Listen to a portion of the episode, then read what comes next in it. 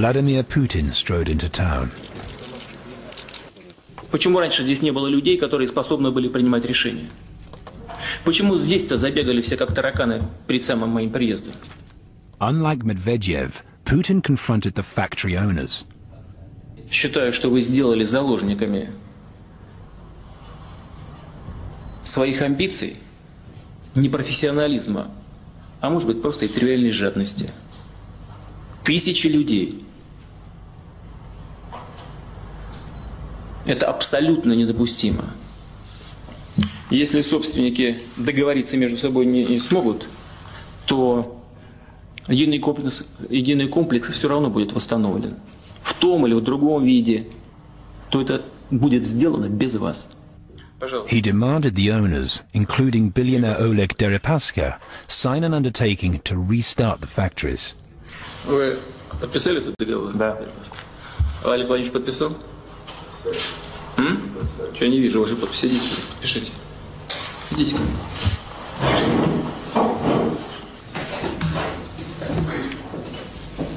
Да, договор.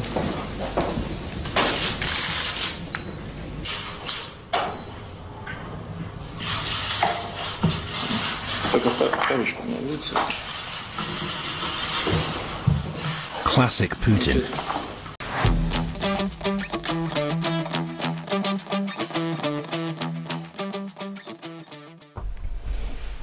Ja, kära vänner. Är det inte en fantastisk tid att leva i? Det tycker jag faktiskt. Händelserikt, milt uttryckt. Omvälvande, blygt sagt. Violblygt till och med. Ja, Sverige. Arma företeelse, helt enkelt. Självbildsrevisionens tidvarv. Ja, vad ska vi säga? Det står mycket för dörren. Vi eh, skriver den eh, 11 april 2022. En ny vecka. Och inte vilken liten sketvecka som helst. Utan nämligen påskveckan. Ja, och då minsann. Då eh, börjar den med en måndag. Och på måndagar plägar det som alltid bliva ett måndagsmys. Är det inte fantastiskt? Det måste man ju säga. Det händer ju lite saker. Förr tyckte man det hände för lite. Nu är vi definitivt inne i den sekvensen där man upplever känslan av att nu händer det väldigt mycket och kanske för många också upplevelsen av att det händer alldeles för mycket, rent ut sagt. Och vi ser ju en del udda avarter nu på beteenden i det här. Inte minst i alternativrörelsen. Helt otippat. Vi kunde aldrig se det komma. Men som vanligt, ni är fantastiska. Det här är en fantastisk verksamhet. Det här folkbildningsprojektet som är globalt. Otroligt. Ni ska ha det största av tack för att ni skänker gåvor på Swish och Patreon. Att ni fördjupar er på karlnorberg.se och att ni följer Telegramtjänsten. Helt otroligt bra. Ja, vad kan man begära egentligen? Vi gör så gott vi kan och det räcker långt. Det kan jag garantera. The Free People's Movement är en Youtube-kanal som vi kör och där kör vi bara på engelska och då har vi en sån här liten mekanisk röst ungefär som ja, X22 ungefär alltså. Så då, inte exakt, det är en annan röst men lite samma upplägg skulle man kunna säga. Och eh, fast vi kör kortare alltså, vi kör en tio minuter sådär. Och det är otroligt bra om ni följer den här kanalen ordentligt och ser till att sprida den. Gärna till utlandet. Så att folk faktiskt kan ta till sig då vad, vad egentligen hänt i kärnan här. Vad är det för någonting det här? Och då har vi gjort det där väldigt enkelt och överskådligt. Inte mina långa litanier som är egentligen bara gjorda för det här landet. Det är för komplicerat och för komplext och det är en alldeles för stor tugga av elefanten för omvärlden att kunna hantera. Och där kan ni ju faktiskt se vilken skillnad det är. Det här är ju liksom, ja, mer eller mindre axiom för er som sägs på de här förtjänstfullt välgjorda klippen alltså. Det är många som tycker det är ju faktiskt, och det, men det blir ju samtidigt också överskådligt på ett annat sätt. Och det är fantastiskt. Men vi tycker att det är dags att slå slag för det här nu. Det där måste sprida sig. Vi måste hjälpa till. Hjälpa vår omvärld att se vad som är vad. Det här är en fantastisk dag. det går så där för Investor. Det verkar som att man håller på att tappa greppen över det mesta. Inte minst över Jallarhornet. Eller The Bullhorn, som de säger i USA. Det verkar på något vis som man tänker snå åt sig de här kommunikationsvägarna på något eh, slumpartat vis, kanske. Tursamt, rent utav. Det verkar som att omständigheter tenderar att komma till förberedelse. Mångmiljardärens jättesågning. Hittills har Elon Musk inte kommenterat den plötsliga vändningen. Men, eh, ja, publicerade han publi men publicerade han publicerade ett Twitterinlägg i alla fall under måndagen med en hemlighetsfull emoji. Jaha. Men i en eh, Twitter-tråd spekuleras det kring om Musk jättesågning av bolaget under lördagen kan ha haft något att göra med den plötsliga vändningen då att han så att säga inte vill sitta i styrelsen. Det där kommer vi tillbaka till. Det finns ju olika upplägg på hur man kan hantera det där. Vi har ju sagt det att de här jättarna är ganska bra, men sen har vi samtidigt sagt för länge, länge, länge sedan att Ah, vet inte, för det är också viktigt det här med människors utveckling och då är kanske inte de här antal ja, nedslagen på tangentbordet och får kanske vara för begränsade alltså. Det är lite grann som det där med den här Free People's Movement-kanalen. Den är otroligt väl avvägd alltså och, och tog det vara planetens bästa insteg för att komma till förståelse med den djupa statens kärna. Men samtidigt så är det ju som så att det krävs ju någon form av referensvärden för att kunna ta det här vidare. Och, och då kommer ju de här föreläsningarna sen. Men det där kan man ju säga är kvintessensen eller destillatet av allt annat vi pysslar med och har pysslat med i decennier. Och ursäkta. Det är naturligtvis svårt att, att köra in det här i Eh, sinnet på människor på två minuter. Det vet ni själva vilket tid och arbete ni har lagt ner för att förstå de här sakerna under väldigt lång tid. Alltså. Och det ska man ha en viss respekt för. Det gäller även omvärlden då. Det hjälper ju inte mycket eller båtar föga kan man ju säga att stå och gnöla över att de är tröga i huvudet. Liksom. Det tar ju egentligen inte saken eh, mycket i, så att säga, rätt riktning utvecklingsmässigt. Och det, det, men man får ju samtidigt ha en viss förståelse för att det kan ju vara lite sekt liksom mellan varven. Ja, under lördagen publicerade World of Statistics ett inlägg på Twitter där de skrev ut en topp 10-lista med de Twitter-konton som har flest följare. Nu kommer jag nysa när som helst. Eh, bland dem fanns Barack Obama. Mm. Kommer en till också. Eh, bland dem fanns Barack Obama, Justin Bieber och Elon Musk på en åttonde plats då. Musk tog då till Twitter och skrev att de nämnda kontona knappt publicerar några inlägg eller ja, innehåll. Och det kan man ju tycka är lite märkligt. Borde de inte göra det? Eller? Jag vet inte. Men eh, så lägger han till någonting i det här. Är Twitter döende. Ja, så kan man ju säga. Det är definitivt på det viset att Twitter i sin nuvarande form, omfattning och tappning inte kommer fortleva. Det är alldeles säkert. Det är helt säkert. Men vad innebär det egentligen då?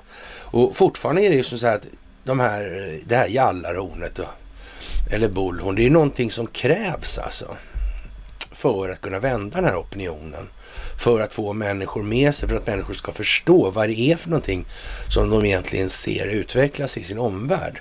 Och eh, ja, det här kommer vi tillbaka till. Vad kan han ha gjort och vad är, vad är det på gång här egentligen? Och framför allt, kanske det här alltså. Skulle man någonsin ha gett sig in i det här utan att ha haft klart för sig vilken spelordning man skulle utföra vilken åtgärd. Nej, jag tror inte det faktiskt. Och jag tror inte ni heller tror det. Så det här måste vara någonting som är planerat. Och nog tror vi väl ändå på att Elon Musk där, alltså Amazon. Nej, Tesla menar jag, förlåt.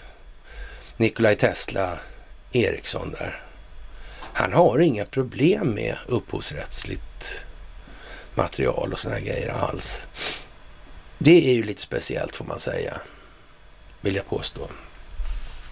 Ja, det är en hel del med det här och det kommer vi tillbaka till. Och i Frankrike är det val då, eller var val igår i alla fall, och Marie Le Pen och mot makaronen där. Och, och han är ju en liten krokig rackare han. Och, och, ja, intellektuellt krokig moraliskt också då. Men, men eh, man vet ju inte hur mycket stackel det är på honom. Så tillvida. Men eh, ja, som vi har sagt då i de som vi har haft kontakt med under de gångna dygnen här så är det ju naturligtvis oerhört komplicerat om det visar sig vara valfusk i den ändan. Det blir det inget lätt av. Det blir ju svinsvårt. Ja, och hur är det där egentligen med telekominfrastrukturens betydelse? Spelar det någon roll egentligen här? Eller går det bra ändå? Jag vet inte. Eller vet jag det? Ja, men möjligen gör jag ju det. Det är ju så. Ja, det där är lite udda faktiskt. Och nu måste jag torka ögonen. Ja. Ja, jag har blivit lite för kyld, det vill säga blivit lite kall vid något tillfälle igår tydligen. Ja, sådär.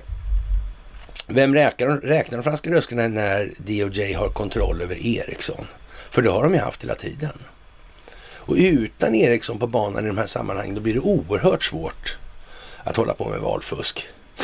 Mm. Säger det någonting om hur det har gått till på andra håll och kanter? Det kanske gör det. Jag vet inte. Kan det spela någon roll? Möjligen. Tur är tur. Men det säger ju samtidigt, vad händer egentligen då den tredje november där? Vid det här valet. Ja, han blir presidenten där. Resident blir han. Ja, det var meningen alltså. Det fanns ett syfte. Det måste rotas ur det här som sitter så djupt förankrat i samhällsstrukturen, i administrationen, i väldigt, väldigt många länder. Och därvidlag vill jag slå ett slag för då den här Free People's Movement-kanalen där, där eh, vi i det här senaste avsnittet, eller sist, ja, senaste nu, alltså nummer sex där, faktiskt eh, knyter ihop det här på ett sätt så, som jag tror är faktiskt omöjligt att missförstå alltså. Och samtidigt så kan man ju höra det här då på de här föreläsningarna, föreläsningsserien. Det är ju helt naturligtvis bara vad vi pratar om där, men det här är ju så att säga destillerat ner till några få meningar då så att säga. Men, men samtidigt så, de kan ju bli tämligen meningslösa då. då i den omfattning man nu inte har någonting att relatera dem till. Och det är ju lite det som är dilemmat. Då. många människor nu förstår, eller förstår ju nu att det här är ju någonting som är kardinalfel i systemet globalt alltså. Och hur de här eh, intressena har samverkat och spelat för att tillskas, tillskansa sig enskild nytta då på alla andras bekostnad i en ökande omfattning. Och det är precis den mekaniska funktion då som dessutom finns i det valutafinansiella systemet inbyggt. Alltså det är den, dess inneboende natur och karaktär. Ja, sådär då. Och eh, ja, det är ju lite många som tycker det här är lite trevligt naturligtvis och det är det naturligtvis också. Men samtidigt får vi ju ta tillfället i akt nu när människor faktiskt är mer mottagliga än tidigare. Då är ju inte det samma sak som att vi ska minska på insatserna. Det är ju inte det det betyder, utan det betyder ju faktiskt att vi ska lägga ner mer energi, mer omtanke, mer känsloengagemang i det här. Utan att för den skull verka känslostyrda i affekt alltså. Vi måste vara rationella i vårt beteende i det här.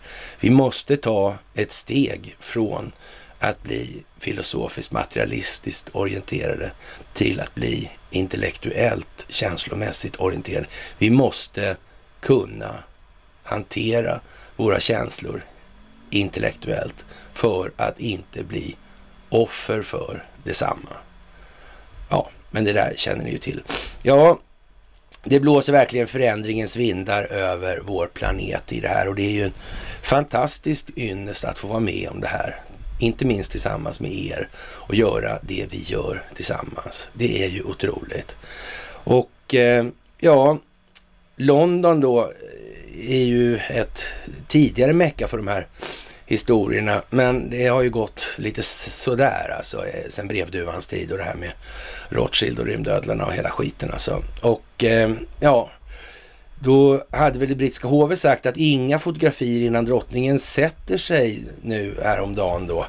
Och det visar sig i alla fall att prins Andrew, han figurerar i de här sammanhangen med drottningen. Fast han har lite ostyvis där då, skulle man kunna säga. Det bär inte riktigt och det bär definitivt inte streck på verkligheten när så att säga, det kommer fram mer saker, eller fler saker. Och, och ja, det var som sagt, drottning Elisabeth är fotad i grön kappa med käpp i handen och en svart handväska på armen. Går bredvid sin skandalomsusade son prins Andrew. Hans vänskap med sexförbrytaren Jeffrey Epstein har diskuterats i medier i flera år. Prins Andrew har försökt försvara sig då i, ja, gjorde bort sig big time där då och eh, framstod som lögnare då i en intervju i BBC. Och då ska man ha klart för sig med BBC, det är någonting som styrs då av någonting som heter Red, hette, eller heter Red Bee Media då. Förut var det heter Ericsson, va? något sånt där. Ja, det var det rakt av liksom, som man dolt, dolt det där lite grann då. Men det, det hjälper ju inte sådär jättemycket faktiskt. Och det framställde ju prinsen som lögnare och ja, efter det så sparkades han ut ur kungafamiljen och han avsade sig sina uppdrag och titlar drogs tillbaka från rampljuset. Till nu då kliver han tillbaka igen och det passar sig lite bra så här för nu kommer det samtidigt om den här James Saville, Jimmy Savile då. Och den där löken alltså, han har hållit på storskalet skulle man kunna säga. Och han har varit täckt av BBC hela tiden. Och det tog ju världens vändningar då med, ja, herr Cameron och med Theresa May och sådär. Det var ju väldigt svårt att ta i det där tydligen. Ja. Och att inte den här Saville skulle haft kontakt med Robert Maxwell. Ja, sådär alltså. Nej, det, det var nog inte riktigt så. Och lustigt nog, blev märkligt nog, så, så, så blev han till och med adlad. Först var han ju då, ja, fick han order, ja, alltså de här olika stegen på det här brittiska imperieorden och det här. Ja, han gick ju, gjorde karriär skulle man kunna säga lite lätt. Så det var tydligen väldigt viktigt det där för kungahuset. Och det var Margaret Thatcher som drev på det här. Och det var ju hon som gjorde den här dealen med, vad heter han då? Mohammed bin Sultan, vad tror jag. Han som var säkerhetschef för Saudiarabien. Han som gjorde den här äh, Al-Yamama-fonden, äh, Oil for Arms deal alltså. Ja, det här hände samtidigt där på 80-talet. Konstigt. Mm. Det växer fram den där äh, ja, jätteextrema islamiska terrorismen alltså i sin sunnitappning alltså.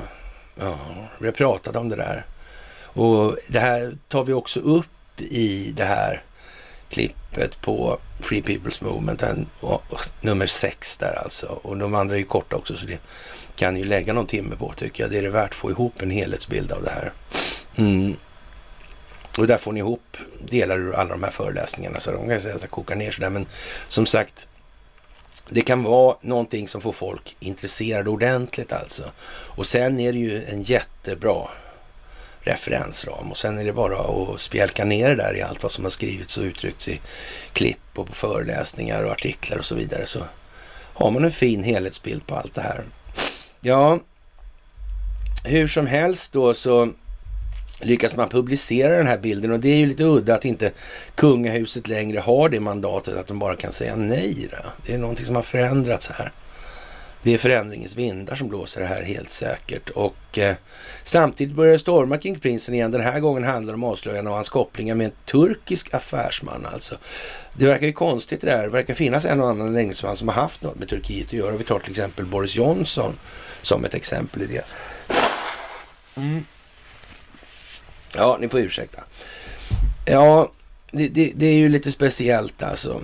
Och eh, den här turkiska affärsmannen då, eh, ja, det pågår rättegångar i de här sammanhangen. Det, det är ju inte bra för anseendet för kungahuset här, lustigt nog alltså.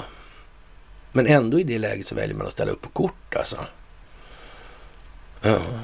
Och, och, i ett sammanhang då som på något vis, där hon varit isolerad för covid och sådana här grejer hit och dit. Mm. Det verkar udda. Får man nog tillstå faktiskt. Att det kommer just nu alltså. Och det här kommer samtidigt som Ericsson lämnar Ryssland alltså. Mm. Tänk om det är planerat alltihopa. Att det här sitter ihop på något konstigt vis. Det kan ju göra det rent utav. Jag vet inte. Det skulle kunna vara så i alla fall. Ja, Selman Turk som tidigare arbetat för banken Goldman Sachs. Det var de som lånade faktiskt Buckingham Palace och hade firmafest när Erik Åsbrink och Ylva Johansson var där. Hade grundat en digital bank 2019 och han vann ett prestigefullt pris då efter att ha deltagit i Prins Andrews tävling Pitch at Palace. Där, det är samma palats alltså. Mm för startups inom teknologisektorn. I fjol gick den digitala banken omkull och nu har Selman Turk dragits inför rätta i Storbritannien. Han anklagas för att ha svindlat en 77-årig turkisk miljonär. Ja, Nebahat e- Evajip, Japp, eller Evajap, ja, Isbilen på tiotals, men egentligen är det Nevsat egentligen, jag tror det uttalas så faktiskt, men jag vet inte. Jag är inte säker. Så Ja, på tiotals miljoner pund. En del av de pengarna uppges ha gått till prins Andrew och hans familj. Och eh, den här Eva Japp då, han eh, tillhör en välbärgarfamilj i Turkiet som har tjänat massor med pengar då naturligtvis på tvål och hudvårdsprodukter.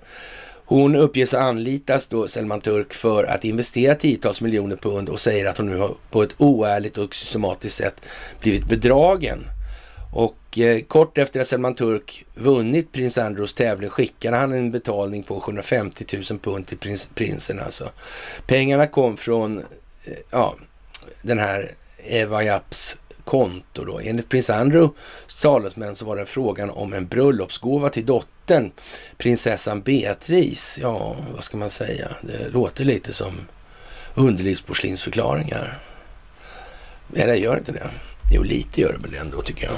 Faktiskt. Mm, det här kommer bara bli värre. Bara bli värre. Och vi får väl se om de här välgörenhetsorganisationerna kring kung, vårt svenska kungahus inte har haft fingrarna i tillsammans med Libanons centralbank. Kan det möjligen vara därför kronprinsessan åker ner och träffar Hariri strax efter han har kommit ut från ett litet förvar. Eller ska kalla det för fängsligt förvar nästan. Ofrivilligt förvar kanske. Mm. Hade Hariri-familjen något med vapenhandel att göra kanske? Men jag vet inte. Mm. Var det revision på den här centralbanken? Mm, har det varit. Mm. Kommer det att synas då? Mm. I alla fall om man har kontroll över telekominfrastrukturen så kommer man se att har, har IRS någonting med saken att göra då? Kanske. Är dessutom kungafamiljen lovligt byte för den svenska, alltså amerikanska IRS? Ja, de är väl det va? Sen Madeleines lilla bröllop där va? med han Chris. Var inte han från Goldman Sachs? Jo, det var han ja. Ja, ja men eller hur. Alltså, mm, det är inte särskilt många, det är otroligt få och det går runt, runt alltså. Prins Andrew fortsätter att fatta dåliga beslut, skriver The Mirror. Och enligt tidningen är det det sämsta beslutet av dem alla att han valde att hålla sin mors hand då han ledde henne till sin plats i Westminster Abbey. Han gjorde det med vetskapen om att nyheterna om hans fars minnesstund nu även skulle handla om anklagelser om sexuella övergrepp. Det är otroligt alltså. Man måste ju ändå säga så här, de mediala strategerna som kungahuset haft i alla år som har varit så skickliga och duktiga helt plötsligt har blivit helt värdelösa. Alltså vilken kvalitetsförsämring över en natt bara så. Det var ju konstigt. Mm. Eller? Är det tur? Ja, det är det. Omständigheter kommer till förberedelse.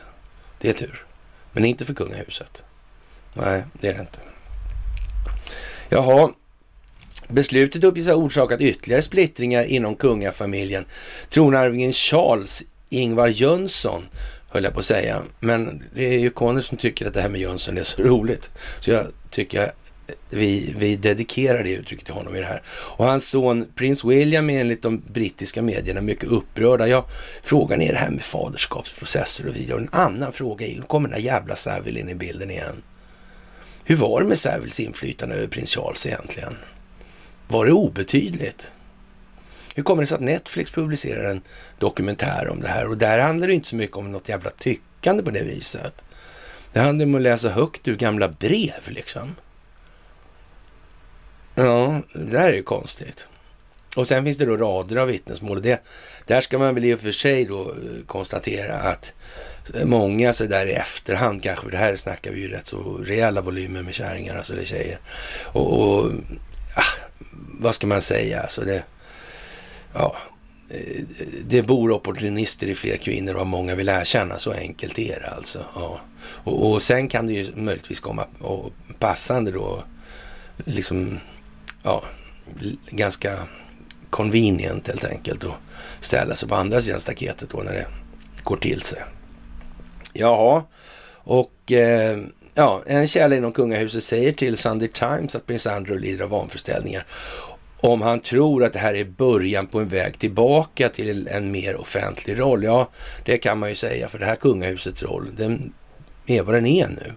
Och i just av verkligheten. Det kommer inte bli bättre med de här exponeringarna av vad som har försiggått i de här skatteparadisen som är då någonting som ligger under den brittiska kronans jurisdiktion. Det kommer inte bli dugg bättre av det. Det kommer bli mycket, mycket sämre. Och det kommer att exponeras en massa saker. Och frågan är här då hur mycket som kommer att exponeras vad gäller den svenska kungafamiljens förehavande i de här sammanhangen. Och det är naturligtvis ingen som helst obetydlighet i det. Ja, det är, medierna i Storbritannien har ändå varit försiktiga med att rikta direkt kritik mot drottningen eller att diskutera hennes motiv. Men amerikanska medier säger kungliga experter att det måste ha varit ett medvetet val att visa sig i offentligheten med prins Andrew. Ja, se där ja, se där ja. Mm, det var i säkert innan det kom på sig, så är det nog ja. Det verkar så. Mm.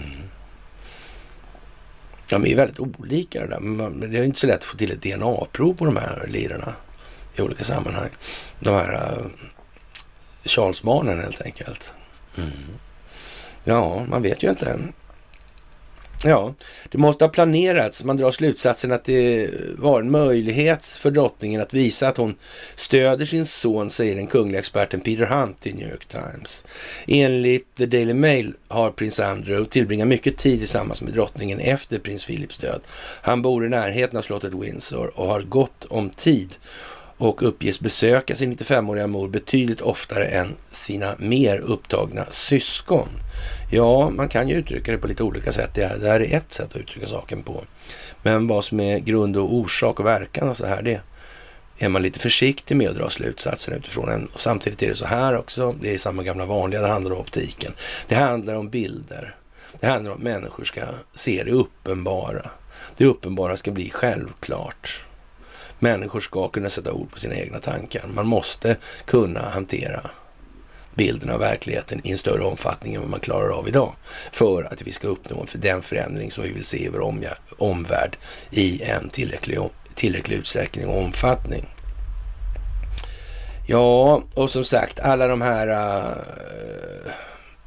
Äh, ja, vidlyftigheterna när det gäller teoribildningar, alltså det skulle ju vara en befriande känsla, alltså. Vilken befrielse. Och se att folk slutar tjattra med det här. Men det är ju som sagt det är helt givet. Vem tjänar på Rothschild-myten? Vem tjänar på Hitler-myten? Vem tjänar? Man kan ju säga så här att den djupa staten ligger inte bakom finansiering till någon liten del i de här sammanhangen. Precis som det här med konspirationsteoretiker, det är ju liksom ett CIA-trick. va. Samma sak med platt jord och det här. Där det är möjligt att jorden är platt, men det ser ju dumt ut att det är CIA som har lanserat det. Det, det ser ju jättekonstigt ut. Jag menar, då kommer ju stigmatiseringen, alltså, då är det inte frågan om foliehatt, då är det frågan om träskalle rent ut sagt. Och det är ju lite sådär lite osnyggt då. Men det må ju vara som det är, men det vore ju skönt om det där kunde så att säga eh, ta lite mindre fokus för många människor än vad det just nu gör alltså. Men det vet ju ni alltså. Jaha. I Turkiet är det ju som det är med det här med viljan till NATO. Och var ska man egentligen så att säga, ha sina lojaliteter? Vad är egentligen någonting värt? Vad är verkliga värden? En sak är helt säker, den djupa staten har aldrig gynnat Turkiet som land och befolkning. Så är den inte. Den djupa staten i Turkiet har alltid gynnat enskilda vinstmaximeringsintressen. Det handlar inte om ismer och så vidare. Det handlar om egennytta som grundläggande drivkraft för de här entiteterna och ingenting annat. Och de kannibaliserar gärna, mer än gärna, alltså gladeligen på varandra. Det spelar liksom ingen, vem, ingen roll vem man tar nyttan ifrån. Bara man tar den helt enkelt och gynnar sig själv. Det är det. Och det här är som sagt någonting som gås igenom i korta och kärnfulla ordalag på den här Free People's Movement. Och inte minst i det här sjätte avsnittet som är otroligt bra sammanfattat. Ja, Turkiet eh, har upptäckt då lite illasinnat så här att eh, det här med att planera ut sprängämnen avsiktligt för att motivera insändning av NATOs minsvepare i Svarta havet är, är någonting som inte verkar helt rimligt och man misstänker liksom att det är någon form av konspiration bakom det här då. Och eh, försvarsministern i Turkiet, då han Akkar där, han har tagit upp möjligheterna att minor som upptäcks utanför hans kust är avsiktligt utplacerade i Svarta havet som en förevändning för att skicka in minsvepare där då. Och Turkiet har ju sagt att de kommer inte släppa in några där, för det är ju också så här att om det här skulle visa sig vara på det viset, för det är ju mycket som tyder på det, med att de har lossat från sina förtöjningar i botten då, minankare där så sitter en vajer, så sitter de här på olika höjder och så vidare i ja, en minering kallas det för, men det är som ett nätverk av miner då sådär. Sen brukar de vara sammankopplade med slingor också sådär så man kan lyssna på vad saker och ting håller till alltså. I förhållande till den här mineringen då, en fast minering då. Men här visar det sig att de här, och, och sen brukar de här minerna då när de lossnar från de här vajrarna, då brukar de så att säga, armeringen går ur då så att säga, den, ja, den säkras då. då. För det är liksom ingen som gynnas av att de här driver, inte ens de egna gynnas av att de där driver omkring lite för vind och våg, på men med strömmarna. Det är ingen bra grej alltså. Mm. Och eh, vi är oklara på om minernas, minerna lämnades avsiktligt, säger försvarsministern till medlemmarna av Turkiets centrala beslut och styrelse, MKYK, vid ett möte förra veckan rapporterade Harriet Daily News på söndagen. Det var kanske det var de här minerna eh, kvar inom en plan då för NATOs minsvepare att ta sig in då i Svarta havet. Syftet med den här typen av plan kan vara att pressa Ankara, tillåta NATOs krigsfartyg att komma in i Svarta havet. De har ju sagt nej till det då. Och genom de turkiska sunden, sa Akkar. Han insisterar på att Ankara kommer att följa Montreuxkonventionen som tillåter Turkiet att reglera sjötrafiken genom sundet och krigstiden. Och Turkiet har en väldigt stor erfarenhet av det här med djupa staten. Och det är ingen risk att de inte begriper vad det här är. Och det är ingen risk att Recep Tayyip Erdogan, inte minst 2016, den här kuppen som, utf kuppen då, som utfördes mot honom. CIA-kuppen alltså. Mm, där han sen då skuldbelade då Fethullah Gulen då som sitter i Langley, Virginia. CIA alltså. Ja, turkiska eh, styrkor har upptäckt och desarmerat och förstört minst tre miner sedan Ryssland inledde sin militära offensiv i det här alltså. Och man kommer inte släppa in i några krigsfartyg i Svarta havet överhuvudtaget då. Eh, ja, och tillåta Svarta havet dras in i kriget. Då. Vi vet inte vem som lämnar minorna i Svarta havet, Sakar. Det är rysktillverkade naturligtvis alltså. Ja, men det har ju Ukraina också, så det är inte mycket mer med det. Men frågan om vilket land som lämnar dem är under utredning. Det finns rapporter om att det finns runt 400 miner. Vi pratar med de bulgariska och rumänska myndigheterna och de utför också övervakning i saken. Alltså ett antal Annat bekymmer är hur minerna utplacerades. Akka sa att sådana här sprängmedel då, eller spräng försedda minor då normalt är utformade för att låsa sig själva när de bryter sig loss från kablarna som håller dem på plats då i botten. Men eh, det var inte fallet med minerna som har hittats alltså de senaste veckorna. Så det kunde ha lämnats sådär med flit alltså. Och de utreder hur fan kommer det här sig egentligen? Det är en sån säkerhetsanordning, för det är ingen som är bekänt av det där. Nej. Det är lite konstigt. Eller det är inte så jävla konstigt, men måste säga att det är konstigt. Ja, ja. Jaha. Kiev har anklagat Rysslands militär för flera illdåd som USA och andra NATO-medlemmar enkelt har accepterat som fakta och basunerat ut som krigsförbrytelser över Gud och hela världen då, inklusive Sverige har varit en duktig megafon i sammanhanget då. Ukrainas president Vladimir Zelensky har påstått att ryska styrkor lägger miner i Svarta havet som okontrollerat driv, drivande ammunition alltså. Ja, det kan man ju säga. Vilket eh, skapar det värsta hotet mot internationell säkerhet sedan andra världskriget och som sagt, det gäller ju att ta till brösttoner här. Mm. Moskva har förnekat anklagelsen och sagt att Ukraina försöker manipulera mediebevakningen av konflikten. Faktum är att Rysslands federala säkerhetstjänst FSB har sagt att det var Ukraina som placerade sprängämnen i Svarta havet och placerade ut 420 föråldrade sjöankarminer utanför flera av sina hamnar. Några av minerna har lossnat från sina kablar och kan utgöra ett säkerhetshot så långt borta som till Medelhavet om de driver söderut, varnade FSB förra månaden. Det är ju lite märkligt det här, eller inte ett dugg märkligt. Det är billig buskis, det handlar om optiken. Hela människor får få klart för sig, vad är det här för någonting? Är det svårt det här? Nej, det är inte svårt. Det är inte, det är jättelätt egentligen. Om man bara lugnar ner sig lite. Så är det så.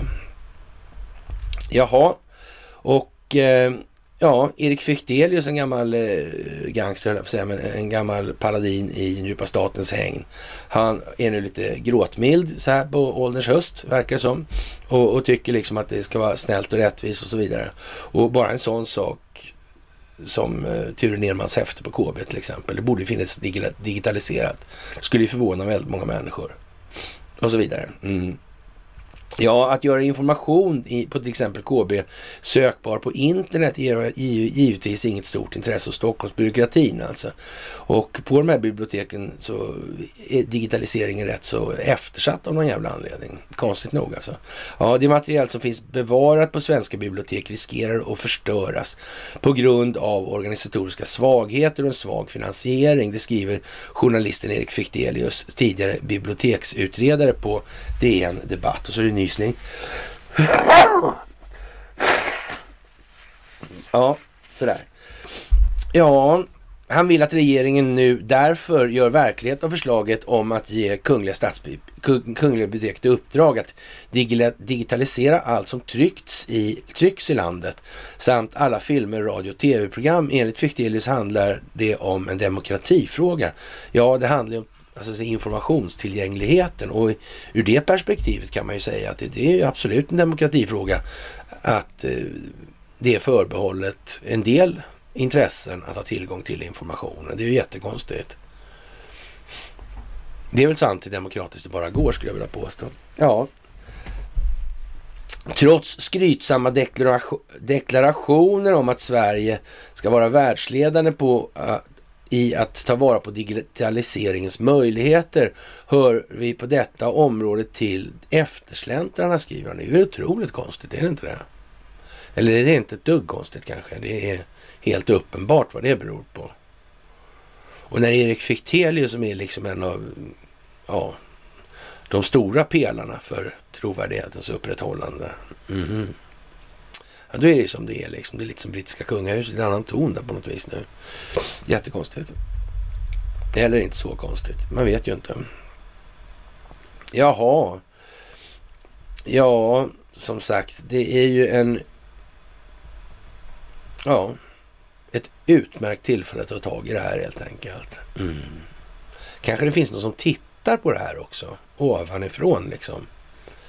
Med lite birds view alltså. Fågelperspektiv alltså. Vad har sagt till det här? Så här kan vi inte ha det. Kan det vara så? Det kan nog vara så. Ericsson lämnar alltså Ryssland och Soros börjar gnöla om vitryskt valfusk genom kontrollen över telekominfrastrukturen och börjar då skräna om att nu, nu kommer det bli liksom, ja, det kommer att bli eh, nedlåsning av internet och sådana här vidare. Jaha. Samtidigt alltså. Det konstigt här. verkligen märkligt. Ja, handhjärta på den alltså. Den amerikanska befolkningen kommer ju däremot inte glömma bort det här med underlivsporslinet alltså. Inte hur länge som helst alltså. Och det här med vad har de gjort egentligen? Här, de här privatekonomiska förehavandena i, i exempelvis Ukraina, Kina, Ryssland och Kazakstan. Finns det någon inblandning där från familjen Bidens sida? Har Hunter Biden tjänat något på det här? Kan det vara så? Jag vet inte. Eller så gör jag det. Och ni också. Och det här måste vi förmedla ut. För svenska medier, de verkar inte så intresserade. Har de sagt mycket om det här tidigare? Det har de inte va? Eh, varför då? då? Ja, det är samma som med KB. ja ja, det kan man ju säga är lite som det är faktiskt. Ja, det är bevisligen svårt för svenskar i gemen att förstå det här med pengars tillblivelse och skuldmättnad och lite annat smått och gott. Men det kommer att bli mycket svårt att medvetandegöra den amerikanska befolkningen om skillnaden mellan de som eh, motverkar den djupa staten och Rysslands och Kinas kommunister. Det är en, hel, en hög tröskel att sänka eftersom formateringen har varit mycket framgångsrik. Alltså den här kulissbildningen vi pratar om på den här föreläsningen om det kalla kriget, den här senaste alltså. Det kalla krigets uppkomst och grunder så att säga som måste sättas på plats först i det där. Och det här känner ni ju till vid det här laget i en inte så liten omfattning heller. Jaha, och det är tydligt då att det är fler än vi som ser det här med vad som ska komma den här veckan. Och eh, påven Franciscus uppmanade i ett palmsöndagstal från Vatikanen Ryssland och Ukraina att iaktta vapenvila efter sex veckor sedan den ryska invasionen. Då, då. Den romersk-katolske ledaren i Heliga stolen där alltså, har varit allt mer högljudd när det gäller att fördöma kriget. Han är kanske orolig för något i de här sammanhangen. Hur var det egentligen med den ukrainska kyrkan i det här? Och hur ställde den sig till när fader Kirill i Moskva? Ja. Hur är det egentligen med Vatikanens roll i de här sammanhangen? Är det, är det liksom en moralisk hedervärd organisation det där? Hur är det med kristendomen överhuvudtaget utan Jesus? Är det någonting som... Tar man bort Kristus för, från kristendomen så blir det ungefär domen kvar då. då. Kanske Athanasius fattar det här. Kanske det var någonting som han och Konstantin begrep redan 325 efter Kristus. När eh, synoden eller konciliet då i Nicaea är 325 alltså. Kan det vara så? Till och med jultomten smög sig på där var det led. Han var väl 27 då, men ändå. Sen heliga trefaldigheten, alltså Fadersonen och heliga anden. Ja. Då var det tre rätt så abstrakta substantiv som fick verka ledande. Kan man fatta de här grejerna? Det blir ingen risk alltså. Mm. Det var inte så att någon ville hålla på med polarisering och de här prylarna. Men det verkar lite grann som att när kristendomen eller ja, vad man nu ska kalla den där för. Man kan väl kalla den för det då, i och för sig då, men problemet var väl det att han Arius där, där han, bakom arianismen där, han hade ju en idé om att Kristus var en del av Jesus, alltså var en del av skapelsen precis som alla andra människor. Men, men då blev det ju lite mer komplicerat alltså. Då måste man så att säga, det, då hade ju inte kristendomen varit möjlig att använda på det sättet som gjordes sen. Alltså. Mm. Där är ju lite, måste man kanske tänka på där. Mm. Ju fler abstrakta substantiv man kan dra in och de här eh, arianska krigen och så vidare. Mm. Döda havsrullarna, det var de evangelier som man tog bort då så att säga för att ja, gynna den egna beskrivningen av det här fenomenet. Mm. Och de, de, katolska kyrkan var inte så liksom, de var inte så entusiastiska till de där, va? om jag inte missminner mig. Mm. Mm. Och han, Athanasius, han verkar ju vara en rätt ogenerad maktspelare på det viset. Alltså. Han blev ändå utvisad fem, fem gånger då, sådär. olika länder och sådär. Det samma länder flera gånger också på sina håll. Mm. Verkar vara konstig kille där. Ja, ja. En av kyrkans högra, höga fäder då. Ja, ja, ja, ja. Jaha, påven Franciscus uppmanar i ett palmsöndagstal från Vatikanen Rys ja, Ryssland och Ukraina att iaktta en påskvapenvila efter sex veckor sedan den ryska invasionen. Den romerske katolske ledaren har varit allt mer högljudd när det gäller att fördöma det här kriget. Och det är klart att det här, han förstår ju vad som finns i andra änden på det här, alltså finns verkligheten. Och, och, det här är inte skitsvårt alltså att bryta ner i delar som folk, folk faktiskt kan ta till sig. Det här med Döda havsrullarna till exempel, det här med synoden i Nicea 325 efter Kristus. Arianska krigen. Hur såg Arius på det här egentligen? Varför tog man bort ja, sådana, vad jag kallar det för, sådana evangelier som faktiskt hade varit bra för kvinnan att ha kvar redan från början. Hade lett en helt annan utvecklingsriktning än vad som blev fallet och som ledde oss hit till där vi nu är idag. Mm. Det kunde ju ha varit något kanske. Men det kanske inte den heliga stolen, alltså påven, han kanske inte är så intresserad av det. Kan det vara så? Av någon anledning. Det verkar ju vara ett liksom, lite halvobskyrt gäng det där. De kunde vi koppla ihop med familjen Dahl till exempel. Med den där kardinalen Allen Dahl som inte var biskopsvig till exempel. Ja, vi vet att den här uh, Bernardino Nogara, han kände väl en och annan bankir. Ja, sådana som Volpi de Moserata som tillsatte Mussolini eller sådana där som fanns i Skandinavien kände han några stycken också. Noga räknat eller? Mm, det var så ja. Jag vet inte. Mm. Ja, ja. Och eh, han eh, säger då att båda sidor måste göra vissa uppoffringar för folkets bästa i meddelandet som inleddes på romersk-katolska stilla veckan, alltså den vi är nu. Som är de sju dagarna fram till påsk alltså. Mässan han serverade på Sankt Petersplatsen sägs vara den första mässan då han ledde bland folkmassor sedan pandemin började för två år sedan. Under predikan krävde han att vapnen skulle läggas ner för att inleda en vapenvila i påsken. Då. Inte för att ladda om vapnen och återuppta striderna, nej. En vapenvila för att nå fred genom verkliga förhandlingar. Och nu är ju inte fred någonting som har legat den djupa staten varmt om hjärtat. Och, och för de som inte minns så långt så kan de minnas ja, för ungefär hundra år sedan med den här Sykes-Picot-avtalen, några dåren Sykes då, som ställde till Amerika folkmordet där. Så han föreslog alltså, eller föredrog, ska vi väl säga så här, i den här Sykes-Picot-doktrinen att Mellanöstern skulle styras genom härska genom söndring.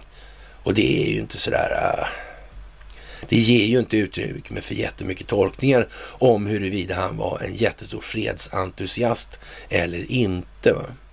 Kolonialismen har aldrig varit en fredlig historia eftersom det har alltid gått ut på att kontrollera väldigt, väldigt många människor.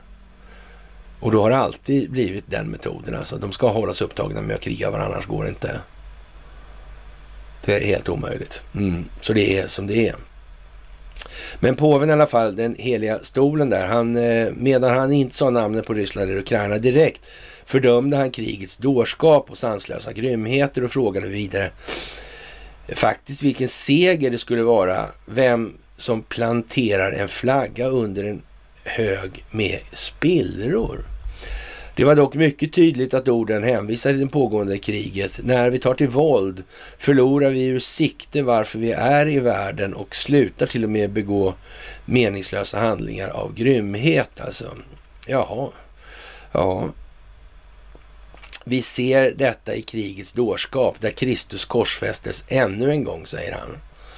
Ja, som sagt, det där med Kristus alltså och kristendomen. Mm. Det beror väl allt på hur man ser på Kristus. För egentligen skulle det väl vara så här, det är väl ingen som tycker, det är klart man får, man får tro på vad man vill, va? men nu ska vi nog sätta oss in då i, i den kristna lärans perspektiv, eller ur det perspektivet. Jag menar, hur stor roll skulle det spela om Kristus verkligen var Jesus alltså? Och om han var ett överväsen då som Gud eller om han var en vanlig människa som faktiskt hade koll på vad som egentligen krävdes i olika sammanhang för att få till en förbättring av varaktig natur för samhället i stort. Det behöver ju inte vara så att det här var helt värdelöst från början. Det kan ju vara så att det var faktiskt uppsåtligt, ja, gott menat helt enkelt. För allas goda i det. Och, och, det är klart att det var väl ingen i övriga sammanhangen av de här religiösa pretendenterna som tyckte det var någon jävla fin idé. Helt värdelöst alltså. Det finns ju bara inte. Jag menar, vad, vad skulle liksom... Om man nu säger då liksom att det finns en ja, religiö religiösa chakrar lite här och var. Då, för det kan vi väl anta. Det är människor är ju människor va, oavsett vilken religion, religion som de ja, tillber då, eller säger sig tillbe i alla fall. Så är det ju. Egennytta, egennytta i alla fall. Och där kan man väl då kanske säga så här. Vad, vad skulle då andra religioner tycka det var en jävla fin idé att då liksom den här kristendomen helt plötsligt börjar köra någon jävla altruism alltså. Medan de själva har då så att säga, redan exploaterat sin religion på ett sätt som gör att den gynnar enskilda intressen på allt fler människors bekostnad. Men självklart inte. De skulle ju bara liksom, nej, nej, nej, nej för fan. Skicka in ett gäng och se till att det där, ja, så, så kan vi åtminstone kriga mot varandra och så vidare. Det gör ju liksom en, det blir ju helt ovillkorligt vad det här kommer att handla om till slut. Så är det ju bara. Och där kan man se den uppenbara brytpunkten här 325 efter Kristus med den här synoden i Nicea. Eh, där spricker kristendomen big time alltså. I den mån det inte redan var gjort alltså. Så. Och det är ju samma sak som med de gamla grekiska sagorna. Det är samma sak. Det är samma sak som med den gamla asatron eller fornordiska mytologin. Det är handböcker i hur man styr och manipulerar människor. Som av en jävla händelse. Konstigt va? Ja. Jaha, det är någonting visst med att betrakta parallella utvecklingsperspektiv i tider för omvälvning i det här. Och en stor färja får kajplats vid Skeppsbrokajen, inte den i Stockholm utan den i Västervik och den kan ligga kvar hela säsongen. Och det är ju naturligtvis märkligt och på förekommande anledning så uppgifterna som kom inflygande med Ugin och Munin, två korpar alltså. Då, så ja, ställde då den här korpen ringde upp då en tjänsteman på kommunen och frågade då angående den här Gotlandsfärjan och dess syfte.